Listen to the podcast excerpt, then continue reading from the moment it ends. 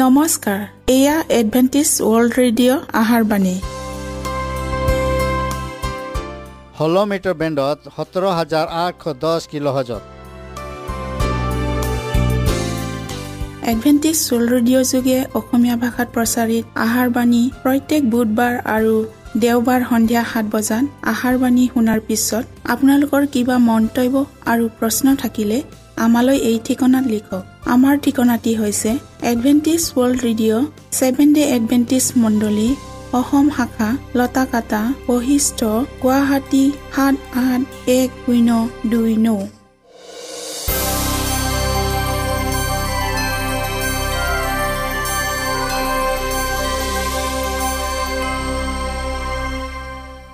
প্ৰিয় শ্ৰোতা বন্ধুসকল এতিয়া শুনো আহক এটি খ্ৰীষ্টীয় ধৰ্মীয় গীত।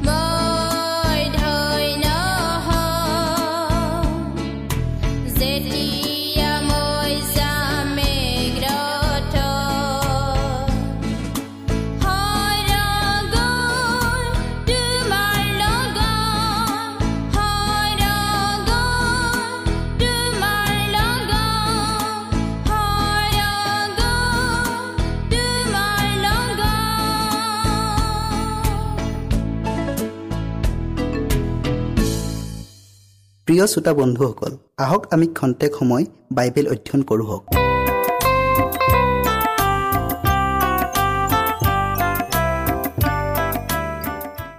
আমাৰ আজিৰ বিষয়টি হ'ল দৃষ্টি আৰু ধ্বনি আৰু অপৰাধ প্ৰৱণতা। বাইবেল পতি লোৱা হৈছে গীতমালা এশ এক অধ্যায়ৰ তিনি আৰু চাৰি পদ। মই কোনো জঘন্য বিষয় মোৰ চকুৰ আগত নাৰাখিম। মই বিপদে যোৱাবোৰৰ কাম ঘীন কৰোঁ। সেয়ে মত লাগি নাথাকিব। কুটিল মনৰ লোক মোৰ পৰা দূৰলৈ যাব। দুষ্টতাৰ লগত মোৰ সম্পৰ্ক নাই। বিষয়টিৰ আগ বঢ়োৱাৰ আগতে আমি প্ৰাৰ্থনা কৰোঁ হওক। হে অনুগ্ৰহৰ দাতা প্ৰভু তোমাৰ অনুগ্ৰহৰ দ্বাৰা এই সুন্দৰ আবেলিত আমি আকৌ লগ পালোঁ। ধন্যবাদ প্ৰভু তোমাৰ অনুগ্ৰহ আৰু আশীৰ্বাদৰ বাবে।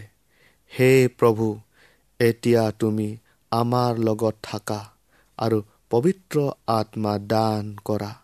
বিষয়টিলৈ জানিবলৈ আমাক জ্ঞান আৰু বুদ্ধি দিয়া। এই চুটি যাচনা ত্ৰাণকৰ্তা প্ৰভু যীশুখ্ৰীষ্টৰ নামত খুজিলোঁ। আমেন। যিসকলে সিহঁতৰ অগ্ৰগামীৰ প্ৰতিটো কোজত পৰীক্ষা প্ৰলোভনৰ সন্মুখীন হ'ব সেইসকল আপোনাৰ সন্তানৰ বাবে আপোনাৰ ফালৰ পৰা এটা একান্ত গভীৰ প্ৰাৰ্থনা কৰাৰ দায়িত্ব আছে। অসৎ সংগৰ লগত সংস্পৰ্শ নকৰাকৈ নথকাটো সিহঁতৰ পক্ষে অসম্ভৱ। সিহঁতে সিহঁতক দেখিব। সিহঁতৰ কথা বতৰা শুনিব আৰু সিহঁতৰ প্ৰভাৱৰ ভিতৰত সোমাবলৈ বাধ্য হ'ব। যি প্ৰভাৱ অনৈতিকতাৰে ভৰা আৰু যি প্ৰভাৱৰ পৰা নিজকে ৰক্ষণাবেক্ষণ নিদিলে নজানকৈয়ে সিহঁতৰ মনবোৰ ইয়াৰ দ্বাৰা কুলসিত হ'ব আৰু সিহঁতৰ চৰিত্ৰ ভ্ৰষ্ট হ'ব। কিছুমান পিতৃ মাতৃ ইমানেই অকামেলা আৰু ইমানেই অমনোযোগী যে সিহঁতৰ ল'ৰা ছোৱালী হালে গীৰ্জাতে যায় না স্কুলতে যায় তাত কোনো পাৰ্থক্য দেখা নাপায়। আমি জগতত থকা মানুহ আৰু আমি জগতৰ বাহিৰ হ'ব নোৱাৰোঁ। তেওঁবিলাকে এইদৰে কয় কিন্তু হে পিতৃ মাতৃসকল যদি আমি নিজেই বিচাৰি নলওঁ তেন্তে এই জগতৰ পৰা কেতিয়াও এটা ভাল পথ পাব নোৱাৰিম। এই অন্তিম সময়ৰ দিনবোৰত দ্ৰুত গতিত বাঢ়িবলৈ লোৱা অসততাৰ আৰু দুষ্টতাৰ কাৰ্যবোৰ চাই আমি ইয়াৰ পৰা কিন্তু দূৰৈত থাকিব পাৰোঁ। শিশুসকলৰ আৰু যুৱ যুৱতীসকলৰ সক্ৰিয় মানপটত দেখা দিয়া ভৱিষ্যতৰ ৰঙীন সপোনবোৰেই হৈছে সিহঁতৰ বাবে বাস্তৱ দৃশ্য। যেনেদৰে বিদ্ৰোহ আৰু আন্দোলনৰ বিষয়ে ভৱিষ্যতবাণী কৰা হৈছিল আৰু আইন কানুন নমনা আৰু আত্মা সংযম হেৰাই যোৱাৰ বিষয়ে বৰ্ণনা কৰা হৈছিল ঠিক সেইদৰে পৃথিৱীত আজি আখৰে আখৰে ঘটিব লাগিছে। আৰু এই কাৰ্যত জড়িত নেতাসকলক বহুতে সমৰ্থনো কৰিছে। সিহঁতে এইদৰে পিছত পৰ্যায়ত সক্ৰিয়ভাৱে অপৰাধমূলক কাৰ্যত অংশগ্ৰহণ কৰিব। এনেকুৱা এক বিষয় পৰিস্থিতিৰ কুপ্ৰভাৱৰ দ্বাৰা সমাজ আজি আক্ৰান্ত হৈ ইয়াৰ নৈতিক স্খলন ঘটিব। অনৈতিকতা আইন কানুন নমনা ঈশ্বৰৰ বিধান নমনা আদিৰ বীজ সকলোতে সিঁচি দিয়া হৈছে। কোনোৱে আচৰিত হোৱাৰ প্ৰয়োজন নাই যে ইয়াৰ ফলস্বৰূপে আমাৰ সন্মুখত হাজাৰ বিজাৰ অসংখ্য অপৰাধমূলক কাৰ্য দম খাই আছে। দৃঢ়তাৰে এইদৰে কওঁ মই এনেকুৱা বিষয়বোৰ পঢ়ি মূল্যৱান সময়বোৰ কেতিয়াও অপচয় নকৰোঁ। যিবোৰ মোৰ বাবে একো কামত নাহে আৰু যিবোৰে আনৰ বাবে কৰা উপকাৰৰ কাৰ্যত মোক অনুপযোগীহে কৰে। ঈশ্বৰৰ পৰিচৰ্যাত উপযুক্ত হ'ব পৰাকৈ মই মোৰ সময় আৰু চিন্তাধাৰাবোৰ উৎসৰ্গ কৰিম। অমূলক আৰু পাপময় বস্তু নাইবা বিষয়বোৰলৈ কেতিয়াও দৃষ্টি নকৰোঁ। মোৰ কাণ দুখন প্ৰভুৰহে আৰু মই সেই মহাশত্ৰুজনৰ চাতুৰিপূৰ্ণ যুক্তি তৰ্কক কেতিয়াও নুশুনো। ঈশ্বৰৰ আত্মাই পচন্দ নকৰা কোনো শব্দ মোৰ জিভাই উচ্চাৰণ নকৰিব। মোৰ শৰীৰটো হৈছে ঈশ্বৰৰ মন্দিৰ। আৰু মোৰ সৰ্বোচ্চ শক্তি জ্ঞান বুদ্ধি প্ৰভুৰ কাৰ্যতে ব্যৱহাৰ কৰিম। লোক দ অধ্যায়ৰ সাতাইছ পদ।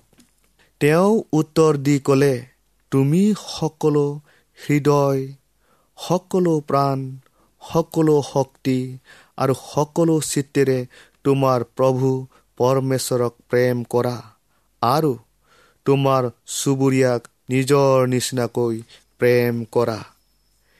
যেতিয়া যুৱক যুৱতীসকলে ঘৰৰ পৰা জগতৰ মাজলৈ গৈ ধনৰ প্ৰতি থকা লোভ ৰং তামাচা প্ৰিয় লাহবিলাহ অপব্যয়িতা ঠগ প্ৰবঞ্চনা চোৰ ডকাইত আদি পাপময় প্ৰলোভনৰ সন্মুখীন হ'ব তেতিয়া তেনেকুৱা স্থানবোৰত সিহঁতে কেনেধৰণৰ শিক্ষা পাব? আধ্যাত্মিকতাবাদে কয় যে মানুহ হেনো অপতীত উপদেৱতা যি প্ৰতিটো মনে নিজেই বিচাৰ কৰিব য'ত সকলো ধৰ্ম নীতিতকৈ মানুহৰ গাত প্ৰকৃত জ্ঞান স্থাপন কৰা হৈছে আৰু কৈছে পাপ কৰা সকলো ব্যক্তিয়ে হেনো নিৰ্দোষী। কাৰণ ইয়াৰ মতে যিটো সত্য সি সত্যই আৰু ঈশ্বৰে কাকো দোষ নিদিয়ে। মানুহৰ নিচতা হেনো একোৱেই নহয় বৰং স্বৰ্গত মানুহক বৰকৈ হেনো প্ৰশংসা কৰা হয়। সকলো মানুহক এই বুলি ঘোষণা কৰিছে আপুনি কি কৰিছে নকৰিছে সেয়া একো ডাঙৰ কথা নহয়। আপুনি যিদৰে ভাল পায় সেইদৰে জীয়ক স্বৰ্গখন আপোনাৰ ঘৰ। অসংখ্য লোকে এইদৰে বিশ্বাস কৰিবলৈ বাধ্য হয় যে মানুহৰ ইচ্ছাই সকলো নীতিতকৈ উচ্চ। সি স্বাধীন আৰু এজন মানুহে মাত্ৰ নিজকেহে হিচাপ দিব লাগিব। এনেকুৱা ধৰণৰ শিকাই মানুহক গুৰিয়াল নথকা নাও এখনৰ নিচিনা এটা জীৱন দিয়ে।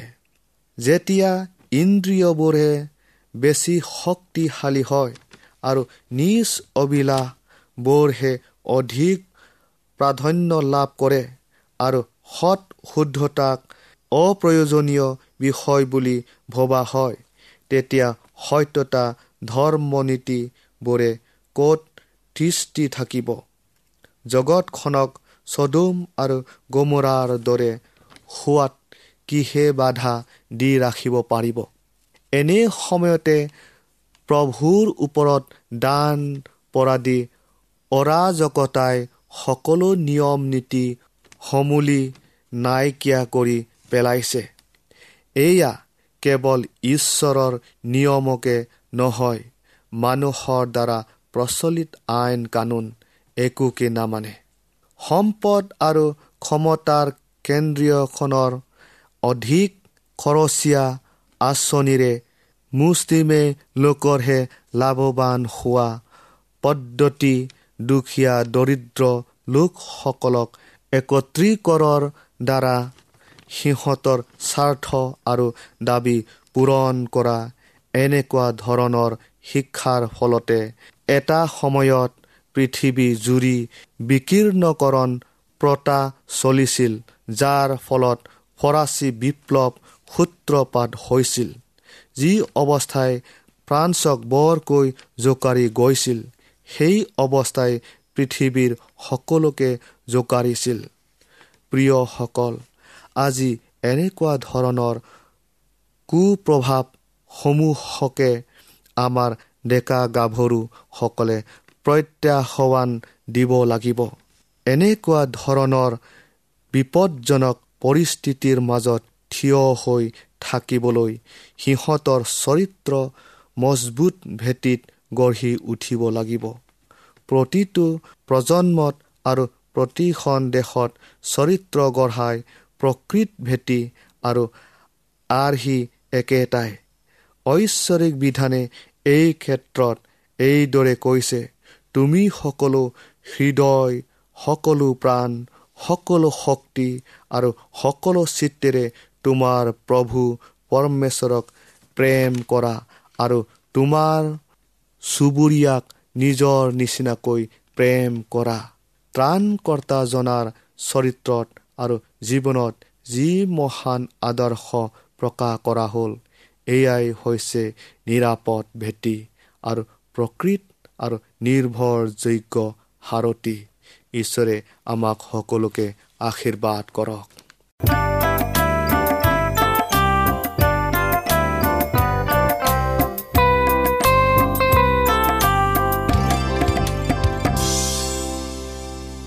ইমানপৰে আমি বাইবেল অধ্যয়ন কৰিলোঁ। এতিয়া আকৌ শুনো আহক এটি খ্ৰীষ্টীয় ধৰ্মীয় গীত।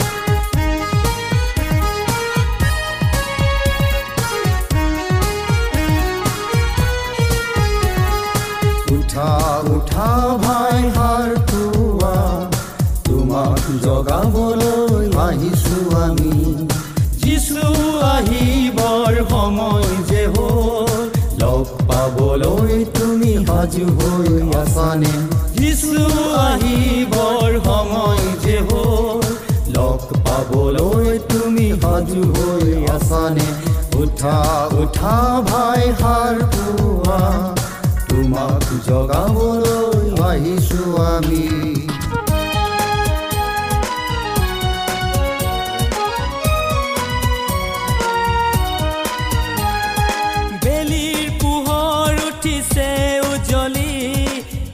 তুমি আজি আছা যেহু উজ্বলি কিয় বাৰু তুমি আছা যেহু অৰ্দি থাকিলেহে যিচুক লগ পাবা প্ৰাৰ্থনাত নাথাকিলে কিৰিটি যে নাপাবা। টোপনিতে থকা জনে স্বৰ্গ যে নাপাব বাৰে বাৰে কোনে তোমাক জগাব? উঠা উঠা ভাই হাৰ পুৱা তোমাক জগাবলৈ আহিছো আমি।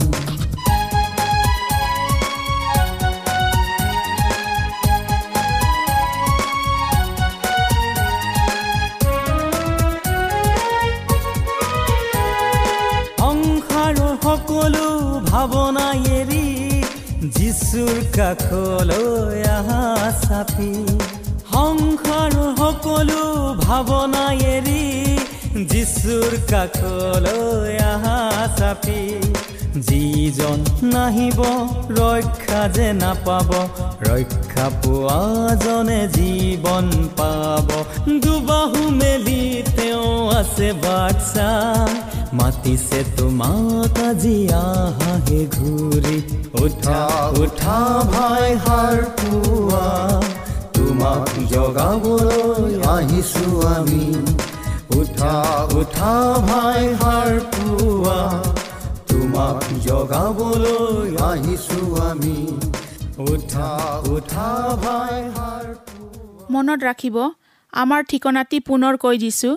Adventist world radio' Assam region of seven day Adventist voice of hope Latakata Basistha Guwahati seven eight one zero' two nine প্ৰিয় শ্ৰোতা বন্ধুসকল এডভেণ্টিজ ৱৰ্ল্ড ৰেডিঅ' যোগে আহাৰবাণী প্ৰচাৰত আপোনালোকক পুনৰ লগ পোৱাৰ আহাৰে আজিলৈ সামৰিলোঁ। ধন্যবাদ।